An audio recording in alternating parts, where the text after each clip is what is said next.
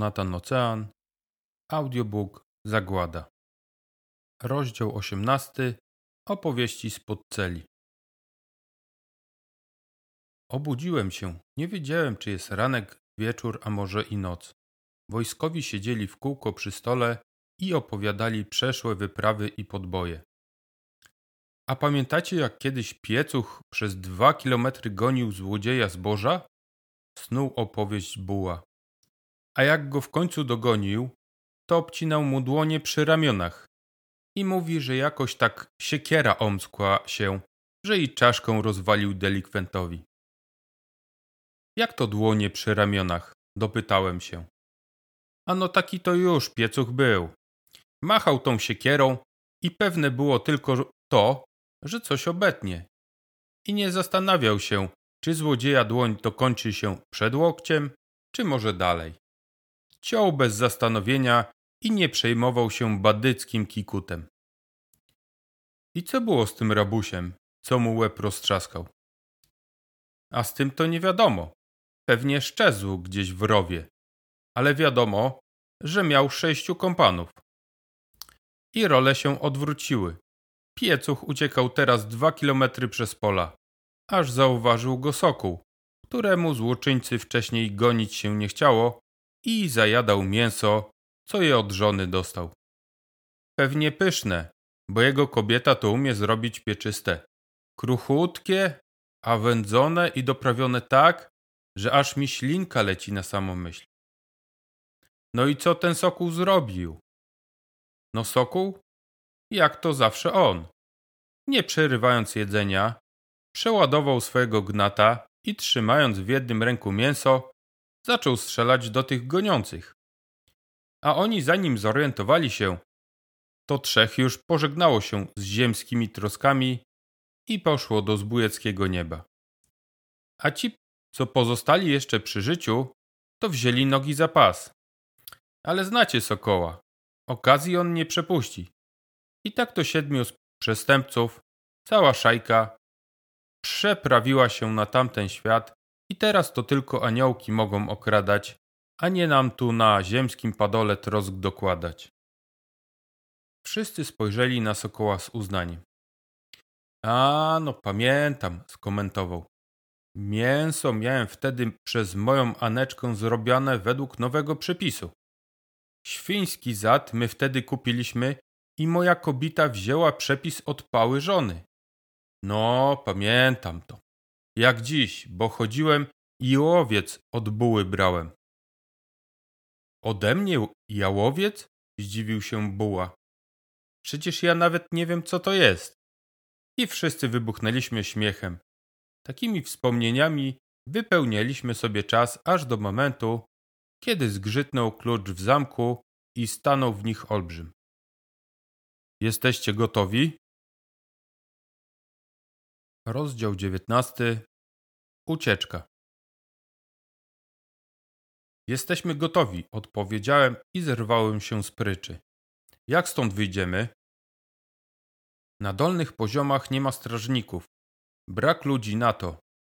Założono, że nie sforsujecie drzwi, więc nikt was nie pilnował. Poza tym wszyscy wojskowi wyruszyli na waszą osadę. Dał ręką znak, że droga wolna i opuściliśmy celę. Ilu ludzi? zaniepokoił się Pała. Dwudziestu. Macie tylko tyle wojska? Przecież nas tutaj jest więcej. W dwudziestu to oni naszej kolonii nie zdobędą, zaśmiał się Pała. Po pierwsze, to pojechali oktopusem. Jak będą chcieli, to zrównają wszystko z ziemią. Kamień na kamieniu się nie ostoi. A po drugie, to musicie mieć na uwadze Antona. Twierdzi, że zna jakieś tajne wejścia i wprowadzi wojsko bez walki. Cholera, zapomniałem o tej gnidzie, wycedził Pała i zamyślił się. Faktycznie, kiedyś pracował nad zabezpieczeniami osiedla. A co to jest ten w ogóle oktopus? Zaciekawiony wszedłem między nich i wtrąciłem się do rozmowy. To jeden z wehikułów, które używamy do wypraw lub obrony. Czy to jest ten, który widziałem w magazynie? Czym jest napędzany? Tak, to ten. Najmniejszy z naszych pojazdów, ale za to zwrotny i zużywający mało węgla. No i akurat wchodzi do niego 10 osób. To maszyna parowa, generuje też prąd, ale na tyle dobrze zaizolowany, że nie przyciąga maszyn. Wszyscy zatrzymaliśmy się zdziwieni tym, co powiedział Olbrzym. Jak to nie przyciąga maszyn? zapytałem. Skąd wy się urwaliście? Pokręcił głową i poszedł dalej. Nie wiecie o tym, że maszyny wykrywają pole elektromagnetyczne? Lokalizują każde użycie prądu i niszczą wszystko wokoło jako zagrożenie dla ich istnienia. Maszyny już dawno temu opanowały ten świat, ale uznały, że człowiek nie stanowi dla nich zagrożenia, dlatego go ignorują. Widocznie uważają nas za jednostki gorszego gatunku, coś jak dzikie zwierzęta. Z tego powodu można swobodnie chodzić pod dronami i nic się nie stanie, dopóki nie masz przy sobie czegokolwiek na prąd. Inaczej atakują od razu. Stąd używanie elektryczności jest zakazane. My wytwarzamy energię w głębokich podziemiach. Nasze pojazdy napędzane są parą, a jeśli jest tam napięcie, to odizolowane tak, że nie wykrywają go maszyny. A jakie badania prowadzicie na mężczyznach, że są tutaj tak potrzebni? Dosyć tych opowieści. Musimy być cicho. Jesteśmy na poziomie, gdzie można spotkać mieszkańców. Zanim skończył mówić, dało się słyszeć rozmowę. To szły dwie kobiety, wyraźnie podchmielone.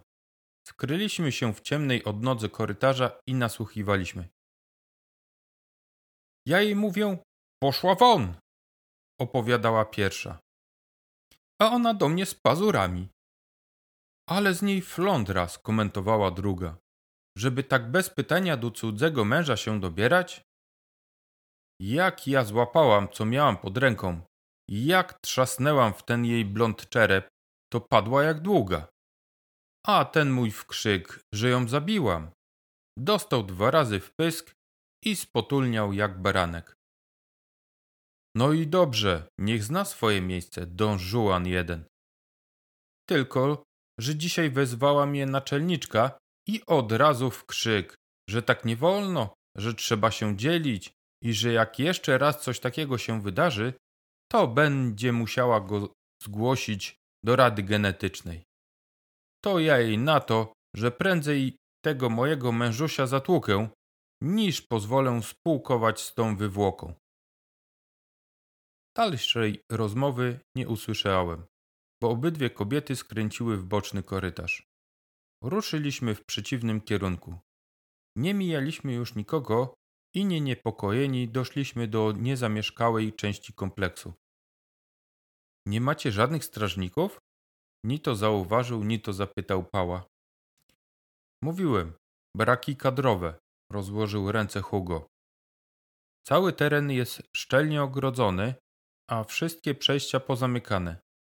Poza tym nie atakują nas ani zwierzęta, ani dzicy ludzie, więc zaprzestano wystawiania wart jakieś pięć lat temu. Pała uśmiechnął się. Nie ciesz się za szybko, skomentował to Hugo. Kompleks jest dobrze chroniony. Ze swoimi karabinami nie zdziałalibyście za dużo przeciw naszej broni. Jeszcze byś się zdziwił, wyzywającym spojrzeniem obrzucił go pała. Mnie zastanowiła jedna rzecz. Obydwaj, Hugo i Pała, byli tak do siebie podobni. Te same głosy, ten sam wzrost i postura. Gadali też tak samo. Ty byś się zdumiał, jakbyś spróbował zajrzeć tu ze swoim kałasznikowem. Tym samym spojrzeniem odwzajemnił się olbrzym. Popieścilibyście nas swoimi wibratorami z prądem? Popieściliby was nasi automatyczni strażnicy. Żeby ukrócić swoje wojenne zapędy, pokażę ci coś. Ostudzi to twoje zakusy powrotu tutaj. A czy ci strażnicy są odporni na pocisku kalibru 7,62? Sam zobaczysz.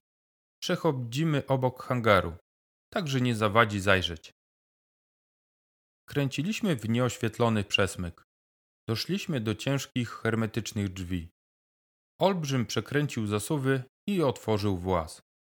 Musiał schylić się, żeby przecisnąć się przez wąski otwór. Było to jakieś przejście awaryjne, bo wyszliśmy na mały balkon w wielkiej hali. Nie wiem, co tutaj wcześniej produkowano, ale pomieszczenie miało długość co najmniej 100 metrów i taką samą szerokość. Sufit na wysokości kilkunastu metrów podtrzymywały wysokie filary. Widok zaskoczył mnie. Nie za sprawą rozmiarów tego miejsca, ale tego, co tutaj się znajdowało. Różnorodność wehikułów zadziwiała. Widziałem pojazdy małe, gdzie mogła zmieścić się jedna osoba, wyglądały jak blaszane puszki z odnóżami pająka. Zamontowane oprzyrządowanie spełniało wiele funkcji. Na jednym były chwytaki, drugi wyposażono w narzędzia o wyglądzie wiertarki, a kolejny dzierżył karabin. Dalej stały większe wersje tej maszyny, wyglądające jak przerośnięte muchy z żelaznymi odnóżami i blaszanym odwłokiem. W miejscu, gdzie u wadów znajdowały się oczy, zauważyłem szybę. Zapewne tam mieściła się kabina do sterowania. W przeciwnym rogu stały cztery sztuki oktopusów, które wcześniej poznałem w akcji. Te miały nogi poruszane jak u zwierzęcia, a nie jak pajączaki. Na przeciwnym końcu, najdalej od nas, stało zaś prawdziwe monstrum. Wysoki na trzy i szeroki na cztery metry. Składało się z dwóch zespolonych ze sobą modułów, każde o długości 6 metrów. Segmenty połączone były gumowym rękawem jak w pociągach. Ten pojazd, w przeciwieństwie do poprzednich, stał na kołach, ale nie na takich od samochodu, tylko wielkich jak od traktora. Do modułów przytwierdzone były różne mechanizmy o nieznanym mi przeznaczeniu. Rozpoznałem tylko wyciągarkę, bo miały zwój liny i hak. Nad nią małe okrętowe okienka, przypuszczalnie od kabiny kierowcy. W obydwu segmentach z kominów unosiła się para. Wehikuł przygotowano do wyruszenia. Hugo zauważył nasz zachwycony wzrok skierowany na największą maszynę. To jest nasze najnowsze dzieło, skomentował. Wielofunkcyjny pojazd długodystansowy. Nazwaliśmy go Voyager. Pokona każdą przeszkodę i nie straszny mu żaden teren. Może pływać po wodzie, napęd stanowi wysuwana śruba, moduły są szczelne. Projektowałem go na długie wyprawy. Pomieści do 10 osób, ale do kierowania wystarczy jedna. Kocioł może być zasilany dowolnym paliwem, a węgiel, drewno lub inne śmieci ładowane są automatycznie. Prąd jest wytwarzany z turbiny parowej i tak odizolowany, że nie wykrywają go maszyny, choćby przelatując nad pojazdem. Jest nawet lodówka, gorący prysznic i wszelkie wygody potrzebne do dalekich podróży. Na jego twarzy gościł wyraz dumy, jaką może mieć ojciec ze swojego dziecka. To ty go zrobiłeś? zapytałem zaskoczony. Ja go zaprojektowałem i uczestniczyłem w montażu, Hugo. Jest wyposażony w broń elektryczną i konwencjonalne działa na proch. Łatwo nim sterować? Bardzo łatwo. Rozmontowałem ciężarówkę, która działała w tej fabryce. Wykorzystałem skrzynię biegów, układ kierowniczy i przerobiłem tak, żeby współgrał z silnikiem parowym. Podobno jeździ się tak samo, jak kiedyś samochodem. Tak mówił nasz mechanik. Cudnie, a co nam chciałeś pokazać? Z udawanym lekceważeniem ziewnął pała, lecz ja widziałem, jak mu oczy świecą z ciekawości. Już pewnie obmyślał, jakie mógłby prowadzić wojenne wyprawy z pomocą takich środków lokomocji. To te małe puszki, jednoosobowe pojazdy, wartownicy, odporne na strzały z kałasza. Sterowany karabin, pistolety miotające granaty obronne i pancerz pod prądem. Nie dostałbyś się do środka w żaden sposób. Musiałbyś podłożyć minę. Zuchwale uśmiechnął się Hugo. Ja bym tam podsmażył tę puszkę ogniomiataczem, skwitował Buła. Wojskowe towarzystwo zarechotało rozbawione pomysłem. Olbrzym machnął ręką z rezygnacją i odparł. E tam. Gadanie. Idziemy dalej. Wyjście jest niedaleko i prowadzi za mur zewnętrzny. Tam was pożegnam. Ścieżką dojdziecie do drogi, którą przyszliście. Na pewno traficie. Drzwi są zamaskowane, więc zakryjcie zasłonem z powrotem, żeby nikt nie domyślił się, którędy uciekliście. Hangar musiał mieścić się pod powierzchnią ziemi, bo wspinaliśmy się kilka pięter w górę. Byłem zmuszony uważnie patrzeć pod nogi, bo tutaj nie było oświetlenia, a starym i zniszczonym schodom fabrycznym z ażurowej siatki czasami brakowało stopni lub też bujały się nieprzytwierdzone. Co chwila któryś z chłopaków zaklął, potykając się lub w ostatniej chwili przytrzymując balustrady, żeby nie spaść piętro niżej. Nie cackajcie się tam, szybciej, ponaglał Hugo.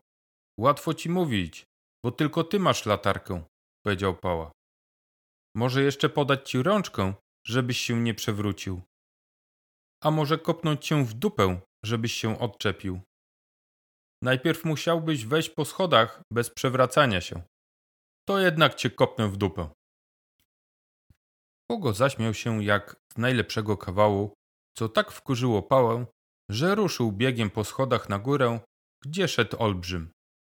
Ten stał niewzruszony aż do momentu, kiedy pała znalazł się na tym samym poziomie. No chodź, iskiereczko, pobawimy się. Usłyszałem cichy trzask i w jego rękawice zaiskrzyły. Pała przystanął, nie wiedząc czego spodziewać się, ale zaraz ruszył do ataku. Wyrwał pozostałość metalowej rurki ze ściany. Metrowym drągiem wywijał ponad głową jak maczugą. Hugo nie przestawał się śmiać. Wystarczyło, że pała oparł swoją maczugę o podest, gdy olbrzym schylił się i dotknął rękawicą podłogi. Pała rażony prądem natychmiast puścił rurkę, która spadła z łoskotem kilka pięter w dół. Jeszcze chcesz poznać kilka praw fizyki? To było przewodnictwo prądu, lekceważąco stwierdził Hugo. Ale dosyć lekcji na dzisiaj.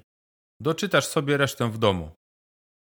Wszedł jedno piętro wyżej i zaczął siłować się z zasuwą. Ta zgrzytnęła i puściła. Ciężkie drzwi odsłoniły przejście.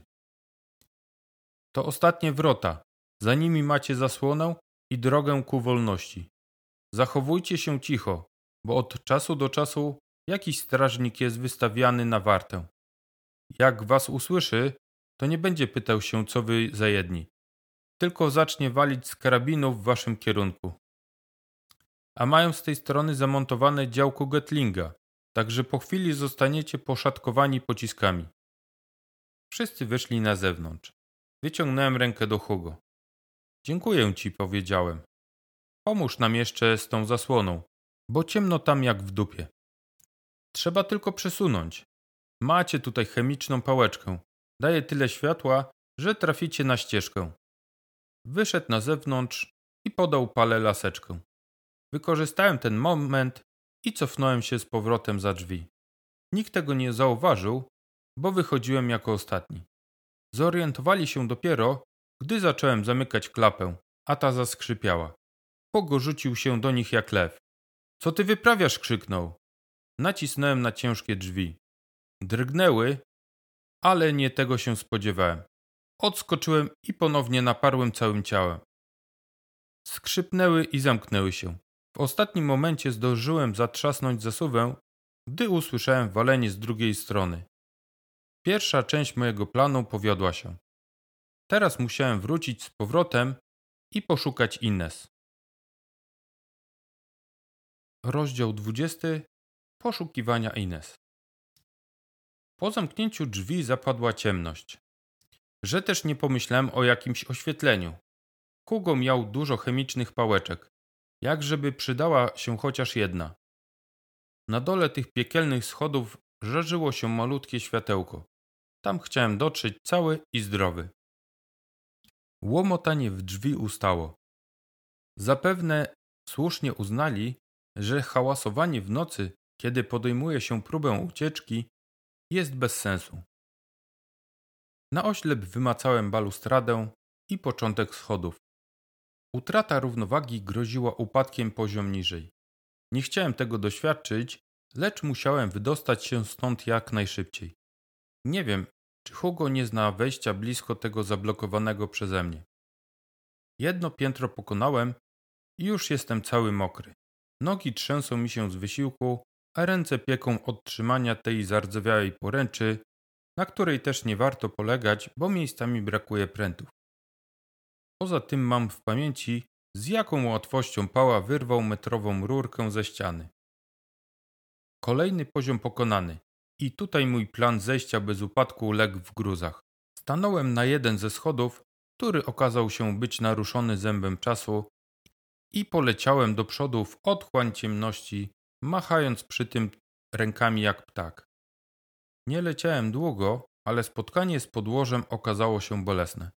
Spadłem na półpiętro, a łoskot uderzenia o żelazną konstrukcję poniósł się do góry i echem odbił w dół. Zamroczyło mnie i straciłem orientację.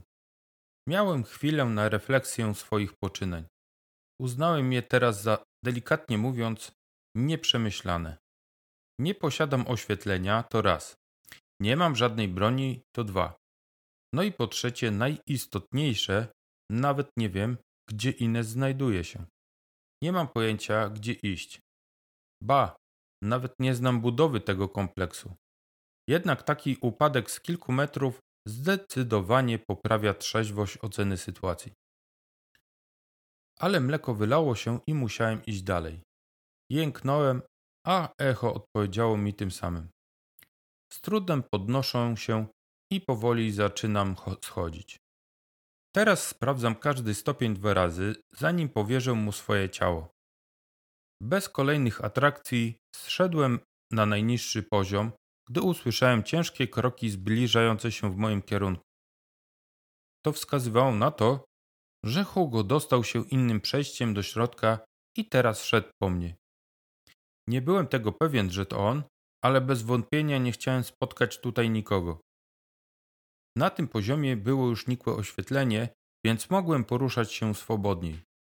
Czyś chód dobiegał z przejścia, którym przyszliśmy wcześniej, więc kierowałem się w drugą stronę. Skradałem się korytarzem obok hangaru z pojazdami, bo przez ścianę dochodził odgłos poruszania się wielu wehikułów. Łowiłem uchem krzyki i gwar dziesiątków głosów. Niewątpliwie odkryto naszą ucieczkę i teraz organizowano pogoń. Moje obawy potwierdziły się. Szukał mnie Hugo. Dotarł już do szczytu schodów i głośno zabluźnił, nie znajdując mnie na nich. Natrafiłem na równoległy korytarz prowadzący do hangaru i postanowiłem zerknąć, co się tam dzieje. Wyszedłem na taki sam balkon co poprzednio, tylko umieszczony z boku. Nostranie uruchamiali wszystkie pojazdy, jakimi dysponowali. Ładowali węgiel i palili w piecach. Część maszyn już wyruszała, a część dopiero rozgrzewano. Para buchała z kominów, dym unosił się pod sufit. Naprzeciwko mnie otwarte wielkie wrota odkrywały szeroki tunel ostro pnący się w górę. To był wyjazd na powierzchnię. Za moimi placami usłyszałem ciężkie kroki. Wyjrzałem za róg. Cholera, to Hugo idzie tutaj. Szybko uwinął się na schodach. Mnie zajęło tu dużo więcej czasu, ale nie miałem oświetlenia. Rozejrzałem się. Z balkonu była tylko jedna droga ucieczki. Drabina, ale wiodła wprost na płytę hangaru. Panował tam teraz taki ruch, że może uda się niezauważenie przemknąć. I tak nie mam innego wyjścia, bo olbrzym był już przy drzwiach. Przechyliłem się przez balustradę i sięgnąłem pierwszego szczebla. Był tak samo przerdzewiały jak schody. Zawahałem się na moment, bo znajdowałem się na poziomie czterech pięter. Upadek z tej wysokości byłby bolesny i niósł ryzyko wyprawy do innego świata. Sytuacja, w jakiej się znalazłem, spowodowała, że natychmiast otrząsnąłem się i ostrożnie schodziłem po drabinie. Była w fatalnym stanie i po drodze trzy pręty urwały się pod moim ciężarem. Na szczęście przytrzymywałem się innych. Ostatnie dwa metry musiałem zeskoczyć, bo zupełnie brakowało szczebli. Ostatni raz spojrzałem w górę. Z balkonu wystawała głowa olbrzyma, patrząca na mnie nieruchomo. Puściłem się.